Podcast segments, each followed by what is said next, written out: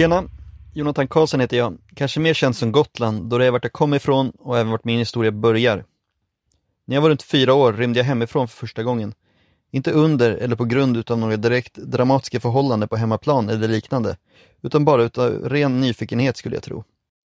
Jag hade kanske tröttnat på att jaga runt i stackars hönsen och ville väl se vart landsvägen bortom gården nere på Sudret, alltså södra delen utav ön, som jag växte upp på kunde leda någonstans.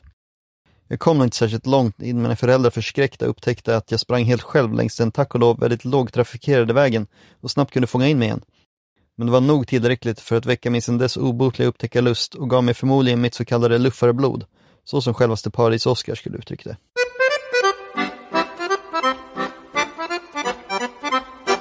Se på luffaren som går här på vägen Se på luffaren, Guds lille fyr så snart som det blir vår går han ut och går för att söka sig äventyr. Han går så långt som vägarna räcker. Han har en oro och längtan i sitt blod. Och när som sola skin och far in Det är det som ger mammas mod. Han vill vara fri som en fågel. Fri som en fågel. Och då är det som någon förlorar. Kom, jag fana luffare blod. Han vill vara fri som en fågel. Fri som en fågel. Och då är det som någon ropar Kom, jag skalna är blod. Se på luffaren som går här på vägen. Se på luffaren, Guds lille fyr. Då blir han trött ibland och då tänker han Varför söker jag äventyr? Varför måste jag vandra och vandra? Det finns så många klokare bestyr.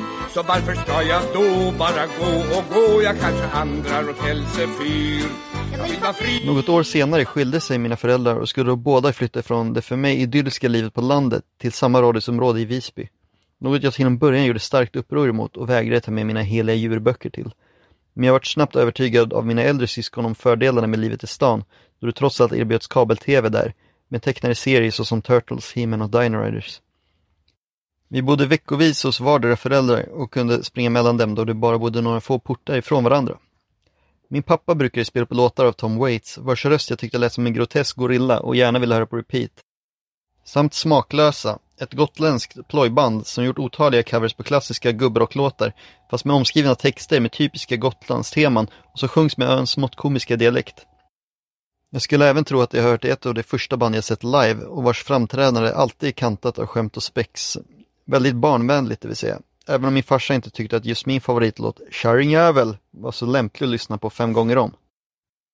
Han brukar även skämtsamt slänga sig med namnet Urban Sleke som jag senare insett var Gotlands förmodligen tidigaste och mest kända punkband. Här uppspelat i det klassiska radioprogrammet Ny Våg. Magnatens död med Visbygruppen Urban Släke.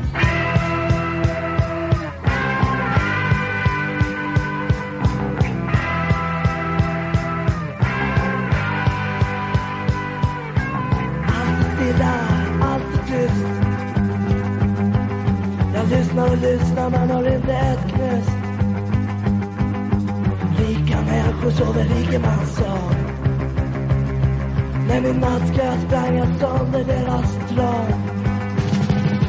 Resan var dyr och resan var lång Men jag var tvungen att åka för min värld så trång Han köpte mig och sålde mig och köpte mig igen.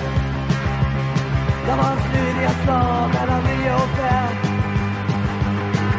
Jag lämnade vänner och hem för hans skull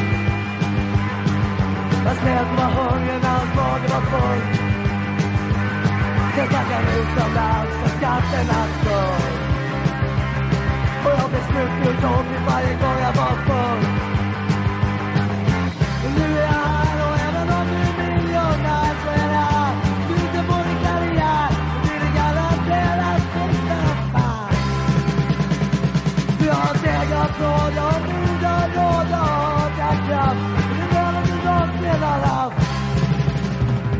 Jag ska bränna dina stenar, jag ska bränna din kropp Du värmer ut som basen, jag kan bränna ditt jobb Jag blåser dig för livet precis som du blåser bort med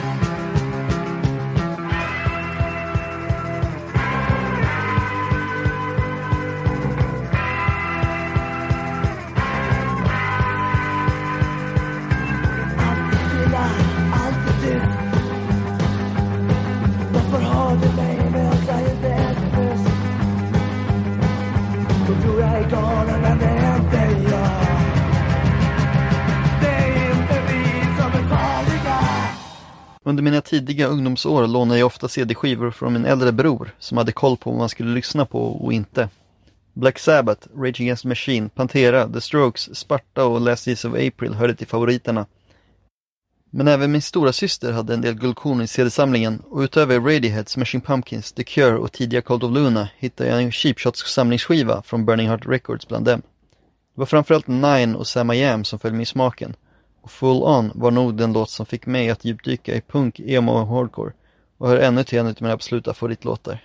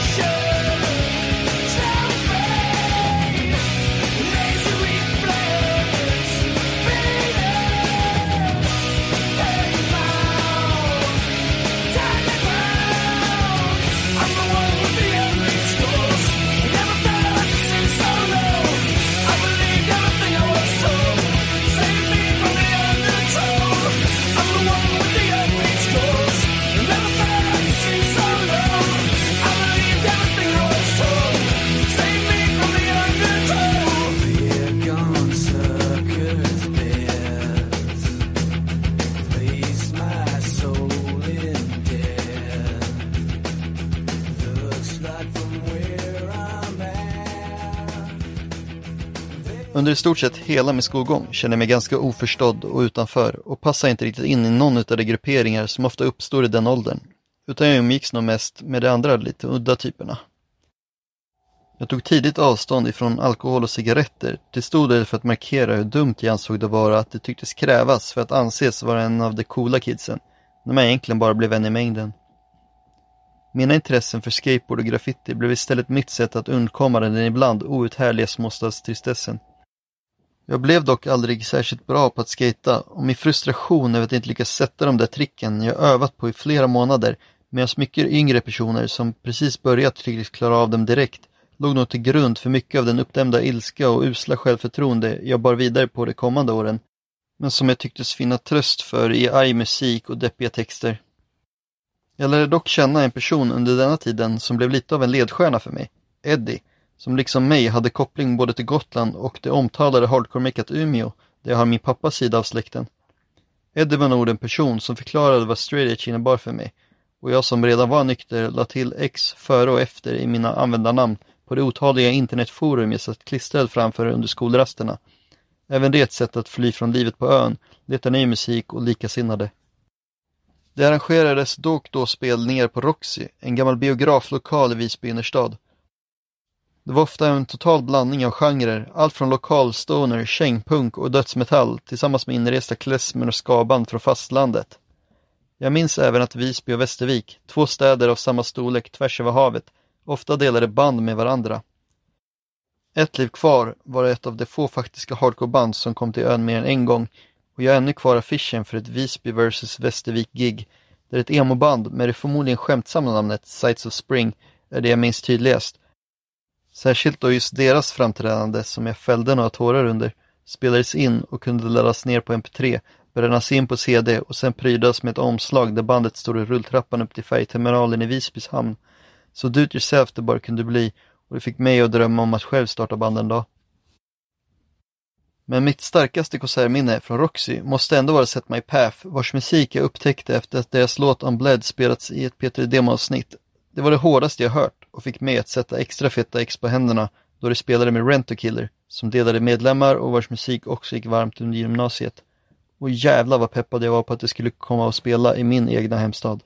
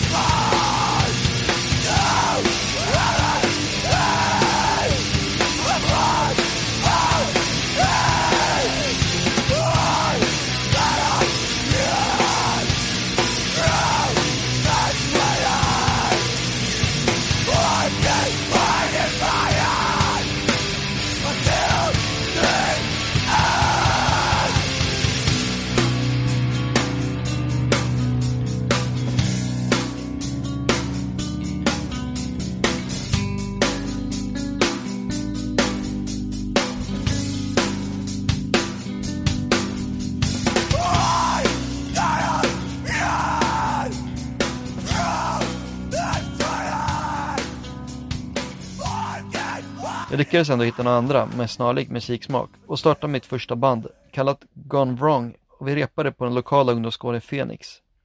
Det blev ett ganska kortlivat projekt, men vi lyckades ändå spela in två, tre låtar i tveksam kvalitet. Det kunde närmast beskrivas som melodisk hardcore punk med emo-inslag, med texter om att vara trapped at sea och att bränna ner vår hemstad, som redan bestod i stor del av ruiner i och för sig. Men vi gjorde ändå en minst sagt svajig spelning innan vi ledsnade och la ner.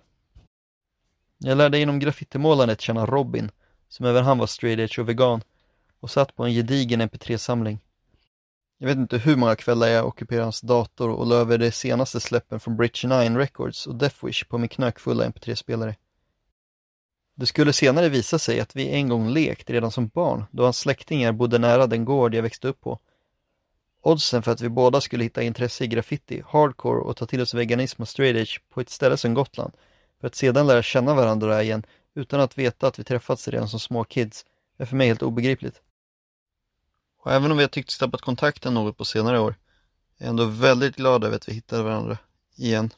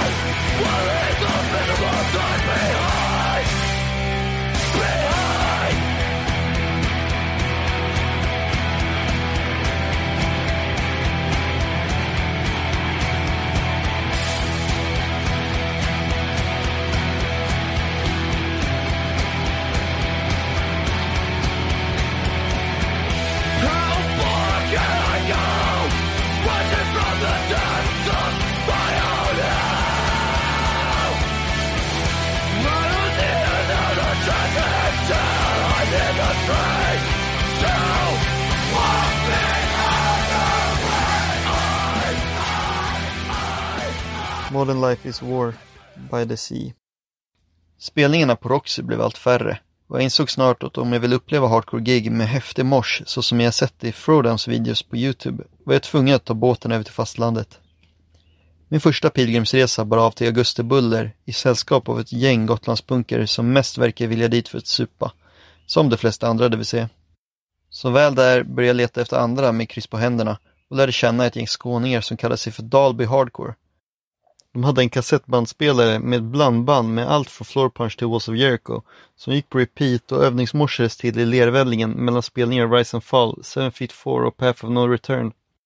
Vi höll kontakten efteråt och bestämde oss för att ses igen på en tvådagarsfestival på det omtalade spelstället Skylten i Linköping senare samma höst. Det blev den första av många kommande turer dit för att se band som Terror och Comeback Kid. där Deadfest blev den årliga höjdpunkten. Inte ens en rundspark över ögat utdelad av den fruktade Violator i morsen hindrade mig från att känna mig mer välkommen och tillhörighet än någon annanstans. Jag tog båten till Nynäshamn eller Oskarshamn någon gång i månaden för att ta mig vidare till spelningar runt om i landet.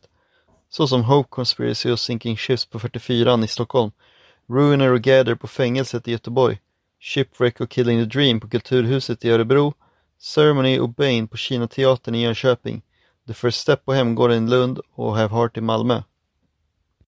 Jag började även tänja på landsgränserna och reste ner till Pressurefest i Tyskland med ett stort gäng andra svenskar för att se Earth Crisis, Converge, Down to Nothing med flera. Minns ärligt talat inte så mycket av det hela, mer en konstant andfåddhet mellan varje band, då jag under den här tiden har gjort mig känd för att röra på mig mer än de flesta, vare sig jag hade lyssnat in mig på bandet eller inte. Förmodligen för att få utlopp för all den energi en rastlös ADD-hjärna alstrar på sig under ett annars alltför stillsamt liv på en ö. Guns Ups skiva Outlive hörde till ett av de släpp jag lyssnade mest på under den här tiden och var beredd att resa långväga för att få se dem. När det bokas till ett gig med en alltför bra för att vara sann line-up i Leeds så var vi några svenskar som hoppade på ett Ryanair-flyg till London. Väl där bokas en bil med en plats mindre än personer i sällskapet men det löser vi genom att jag helt enkelt trycker in mig i skuffen. Fyra krampaktiga timmar senare är vi framme och får veta att Guns Up har ställt in då den unge bokaren tagit sig vatten över huvudet och strulat till det ekonomiskt och inte kunnat betala deras flygbiljetter i tid eller något liknande. Men jag vill minnas att ett gäng andra feta band vägde upp det hela i alla fall. Något år senare bokas Guns Up istället till ett gig i Belgien, även det med suspekt mycket andra bra band. Vi är nu ett antal fler svenskar som trycker in oss i två minibussar och bilar söderöver. Väl framme i staden, eller snarare byn, i Belgien visar det sig att spelstället är en fallfärdig hangar omgiven av majsfält och kohagar. Vi börjar undra om vi har kommit rätt. Men det har vi. Och även om det är en minst lika uppstyrd tillställning som den i England, får jag äntligen se dem.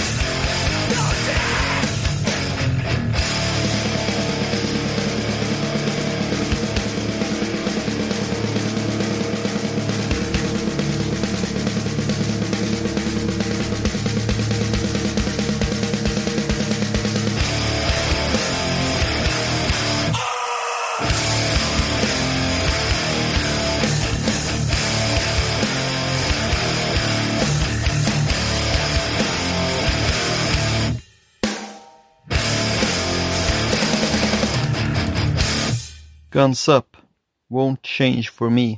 När jag gått klart två år på Gotlands konstskola inser jag att det är dags att flytta från ön. När jag fyller 20 kommer Hårda Tider, Balance och The Eight Arms Around You tillsammans med ett gäng vänner över till ön för en spelning jag satt upp för att fira min födelsedag och avfärd från ön. Det blev inte många fler än det i banden och de ditresta vännerna som dök upp. Men vi gjorde det bästa utav det hela och jag kunde inte ha bett om ett roligare avslut på min tid på Gotland. Jag flyttade från Visby till Värmdö där jag bodde ihop med några utav de drivande personerna i bokningsgruppen Stockholm Straight Edge. Jag fick mitt första jobb hos Citymail, vilket tillät mig att lyssna på musik medan jag sorterade och delade ut post. En av få fördelar med det jobbet. Jag hjälper till på något hörn under Stockholm Straight Edge många arrangemang under de kommande åren. Som bokningsgrupp tycker jag att det har fått oförtjänt lite cred sett till hur många turnerande band lyckas övertala upp till Sverige. Men det har kanske samtidigt haft lite för lite fokus på just renodlad hardcore. Dock inte mig emot. Jag gör ett nytt försök att starta band. Out of Hope kommer vi att kallas och repar först på en ungdomsgård i Kista för att sedan flytta till en Omegas replokal ute i Bålsta. Pendlandet dit är nästan outhärdligt långt och jag är i mitt livs lågpunkt rent mentalt då det stressiga livet i Stockholm dränerar min livslust ännu mer än vad det alltför stagnanta livet på Gotland gjorde, vilket kom att spegla sig i mina nästan överdrivet mörka texter. Vi spelar in en demo och två EPs som får ett rätt avslaget mottagande och vi blir nog bara ett av alla ganska mediokra band i mängden under denna tidsperioden.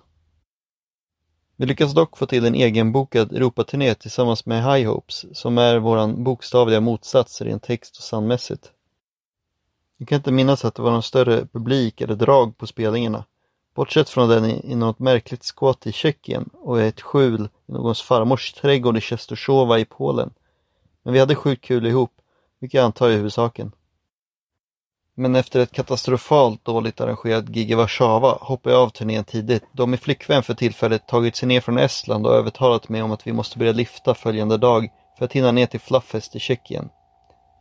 Detta har överenskommits sedan tidigare och Sean från High Hopes tar över sången för giggen i de baltiska staterna, vilket tydligen blir något av de bättre besökta under turnén. Och jag önskar i efterhand att jag hade hakat på då jag har en förkärlek till just de länderna från tidigare resor. Men Flufffest och dess line-up lockade allt för starkt och jag har aldrig ångrat någon av mina resor dit. Trapped Under Ice, Death is Not Glamorous och Swain hör till några av de oförglömliga giggen där.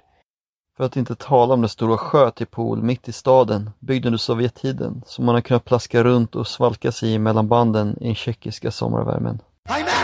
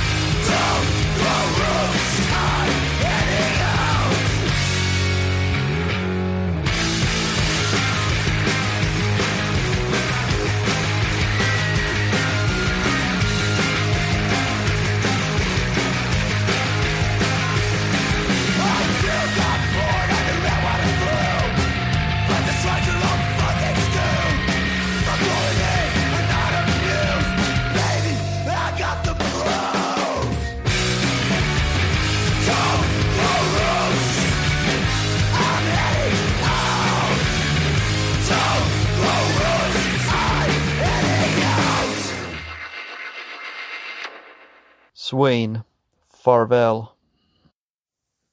Vad som har varit konstant under alla dessa år är alltså mitt resande. Jag har aldrig riktigt känt mig hemma i Sverige och tagit vara på varje chans att åka bort. Och spelning har alltid varit en god nog anledning att lämna landet, om än bara för en helg. Som Mineral i Berlin, Unbroken i London eller Model Life is War i Paris. Med graffitin, och förmodligen även som ett så kallat specialintresse som ofta kommer med autism-spektrumdiagnoser, kom även en romantisering utav tåg och dess miljöer. Interrails är vanligt i graffitikretsar då man lätt kan ta sig från stad till stad och checka av olika tågmodeller och tunnelbanesystem runt om i Europa. Även Japan har ett liknande biljettalternativ Och 2017 åkte jag tillsammans med mitt ex dit och tog oss från norr till söder. För att sedan hoppa på en båt som gick via Sydkorea till Vladivostok, den östligaste slutstationen på Transsibiriska järnvägen. Och kom sedan att spendera de kommande två veckorna på tåg tvärs över Ryssland till Moskva och Sankt Petersburg. För att slutligen ta färjan från Tallinn till Stockholm. Alltså tåg och båt hela vägen hem från Japan. Dear Leap to Moscow and Quickly får tonsätta det lilla äventyret.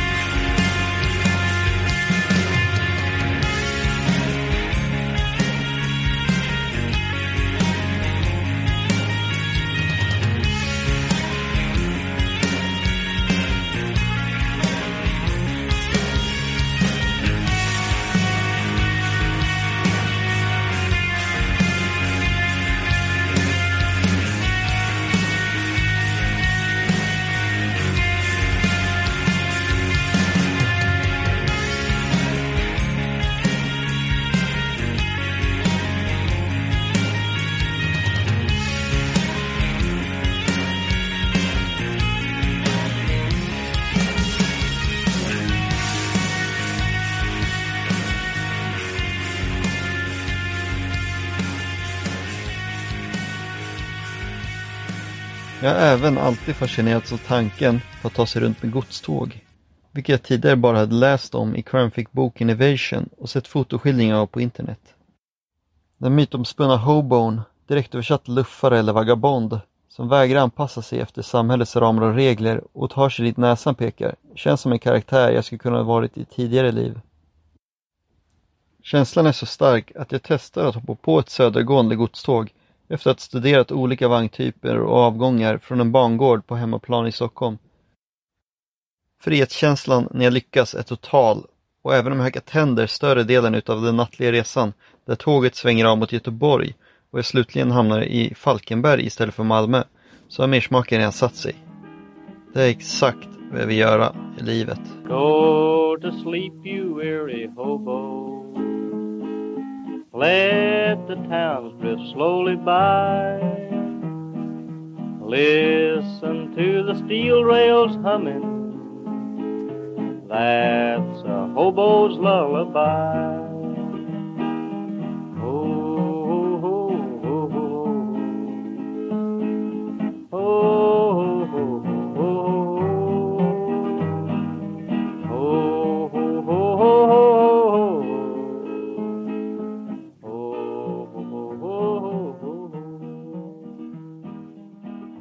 Woody Guthrie.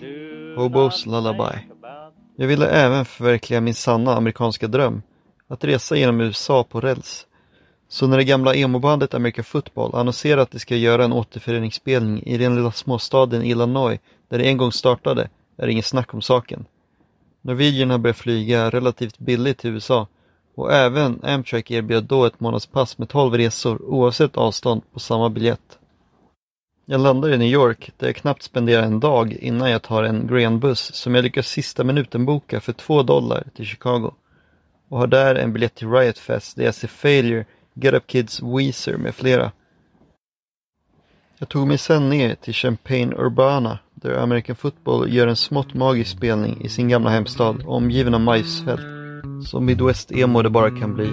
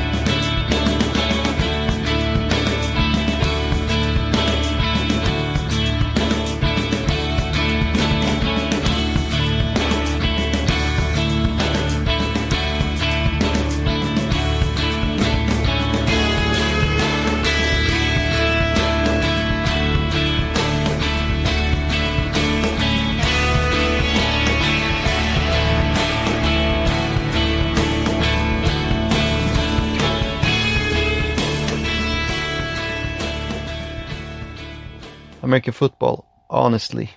Vidare till Indianapolis, där jag efter att ha väntat en hel natt under en motorvägsbro lyckas hoppa på ett godståg i farten, som åtminstone tar mig tillbaka in till stan och ger mig den kick som Amtrak-tågen saknar. Jag åker sen till Cincinnati, där jag ser Turnover spela i någon slags arkadspelhall innan mitt tåg tillbaka till östkusten. Upp till Boston för att se Appleseed Cast och besöka alla ställen som nämns i American Nightmares texter, som Fence Park och The Prue, jag tar en bild på språng upp för The Kids Will Have Their Say-trappen och ser Soul Search på klassiska spelstället Anchors Up i Haverhill. Där framåt slutet får en spark i solar plexus som tar luften i lungorna på mig och jag måste bäras ut för att hämta andan. Tillbaka till New York för att se American Football igen och Creme Stereo på samma kväll, samt Citizen dagen därpå. Ner till Philadelphia, där Wrong Answer gör sitt sista gig och jag övernattar i min hängmatta längs ett upphöjt övergivet tågspår som går rakt genom staden. Jag åker ner till Atlanta och sedan till New Orleans, där jag bara spenderar en natt innan jag sätter mig på The Sunset Limited som tar mig hela vägen till Los Angeles. Jag skejtar genom Skid Row och ser den något omaka kombon Nothing och Body Count på min födelsedag. Sover i min hängmatta under Griffith Observatory intill Hollywood-skylten och hela stadens gatubelysning breder ut sig under mig. Besöker därefter Grand Canyon och Death Valley på vägen till San Francisco. Jag använder min sista tågbiljett från Oakland upp till Seattle och besöker alla de ställen i Snoqualmie där Twin Peaks spelades in. Jag flyger därefter till Washington DC och möter upp min vän Mike för att bila ner till den årliga The Fest i Florida där bland annat You Blew It, Circle Texas Square och Lifetime spelar innan vi bilar nonstop tillbaka till Boston det är ser Title Fight och sen flyger hem igen.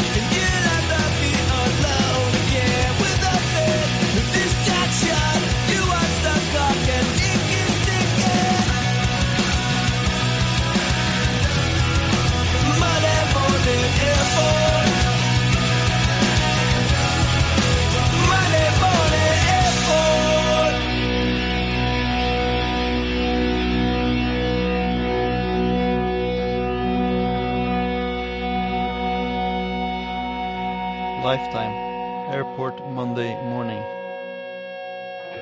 Det här kommer att bli den första utav många resor till USA, där jag under de kommande vändorna i första hand valt godståg som transportmedel. Under en kust till kust-resa 2016 kom jag dock för första gången att bli tagen av The Bull, det vill säga järnvägsbolagens egna polis, som är federal och har mer befogenheter än vanliga snutar. Efter att ha spenderat fem dagar i Standing Rock, det vill säga protestlägret i North Dakota mot byggnationen utav ännu en pipeline genom Lakota-land och tagit mig längs nästan hela The High Line som sträcker sig från Minnesota till Washington State, skulle jag försöka åka den sista sträckan från Spokane till Seattle. Jag hade blivit varnad för just denna konstapel vid namn Officer Burger då han hade gripit många andra den senaste tiden. Jag valde att åka en vagn som transporterar lastbilstrailers, en så kallad piggyback, som ger extra mycket skydd bakom dess långa stänkskärmar och såg till att gömma mig i en svart sopsäck intill lastbilshjulen för att inte synas då vi stod stilla under en så kallad crew change i Wenatchee. Men på något märkligt sätt hade officer Barger med sina hökögon sett mig då vi rullade vidare och när vi snart är på når en mindre stad i bergen stannar just min vagn på det kilometerlånga tåget vid stationens plattform. Och officer Barger ber mig vänligt men bestämt att kliva av då jag uppehåller tågtrafiken längs linjen. Vad jag tror ska bli en böter på plats visar sig bli ett court date i Wenatchee den följande veckan, där jag efter att ha besökt min svenska vän i Seattle infinner mig. Jag får inför en Judge Judy-liknande domare förklara att jag inte trodde det skulle vara ett så allvarligt brott att det skulle tas till en domstol. Hon tycks hålla med. Criminal trespassing of the second degree klassas som en class 2 misdemeanor, vilket ger mig en 300 dollar böter och möjlighet att få domen dismissed om jag håller mig i skinnet och lovar att stay off BNSF property, except as paying costumier. Vilket jag lovar, och efter att ha återhämtat mig hos min godshoppande krustpunkpolares hus i Spokane kollar jag istället upp det andra godsbolaget Union Pacifics rutt till Portland. Jag tar mig därefter vidare ner längs västkusten till Los Angeles, där jag efter bara en natt hoppar på ett passagerartåg till Chicago, för att därifrån få bilskjuts till New York och flyga hem efter tre månader i USA. Detta var samma höst som Trump vann presidentvalet och jag har inte varit särskilt sugen på att återvända sedan dess. Men i slutet av 2019 flög jag på vägen hem från ett år i Australien till Hawaii och vidare till San Francisco, för att sedan än en gång ta mig tvärs över landet med godståg till New York. Och min tidigare dom tycks inte längre dyka upp vid gränskontrollen.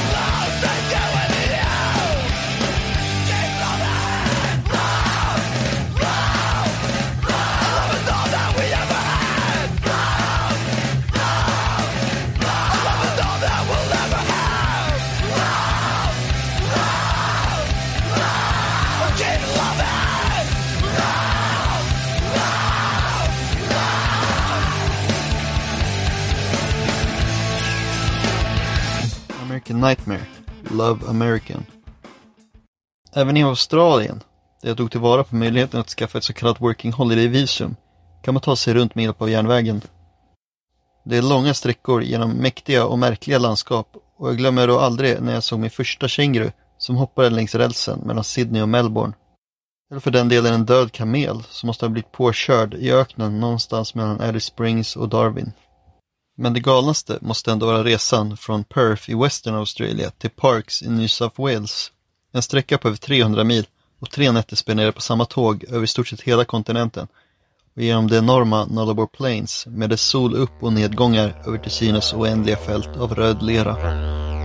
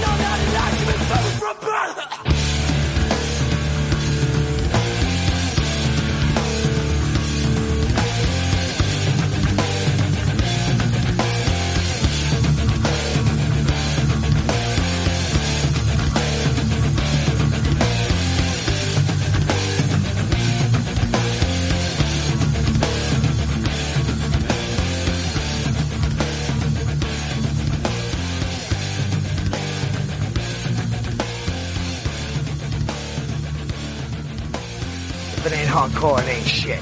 Believe in yourself. Held back. Clay for brains. Under slutet av det år som mitt visum tillät mig att vara i Australien insåg jag att jag ännu hade möjligheten att ansöka om ett Working Holiday-visum på Nya Zeeland och även för Kanada. Om ansökningen kom in innan jag fyllde 32. Jag slet som ett djur med olika lågbetalda ströjobb och Uber Eats-leveranser på min single speed-cykel kors och tvärs över Melbourne för att skrapa ihop pengar till ansökningsavgifterna och tog mig till det svenska konsulatet i Canberra då jag även behövde förnya mitt pass inför detta. Jag fick mitt nya pass skickat till mig i sista sekund och ansökningarna blev klara precis innan min 32-årsdag. Båda beviljades och min plan var att först ta mig hem till Sverige igen och gå tillbaka till mitt tidigare jobb i Stockholm några månader för att sedan åka till Nya Zeeland första halvåret, sedan aktivera mitt kanadensiska visa. Men väl hemma började vi höra om ett virus i Kina som spred sig land för land och snart även till Sverige som fortsatte låta folk som mig flyga kors och tvärs över planeten. Nya Zeeland stängde sina gränser tidigt och jag började inse att det visum jag kämpat så för skulle brinna inne och inte gå att ansöka om igen. Kanada tillät dock att ansöka om att få sitt sista aktiveringsdatum uppskjutet, vilket jag gjorde och snart fick beviljat. Mitt rastlösa luffarblod hindrade mig dock från att hålla mig hemma och efter att ha jobbat samt besökt min släkt i Norrland tog jag istället till det mest coronasäkra resemedlet, det vill säga godståg, för att ta mig från riksgränsen i norr till Malmö i söder och jag spenderade mer tid än vanligt under sommaren på Gotland, vilket fick mig att inse hur fantastiskt Sverige ändå är. Och jag kände mig för första gången någorlunda hemma här.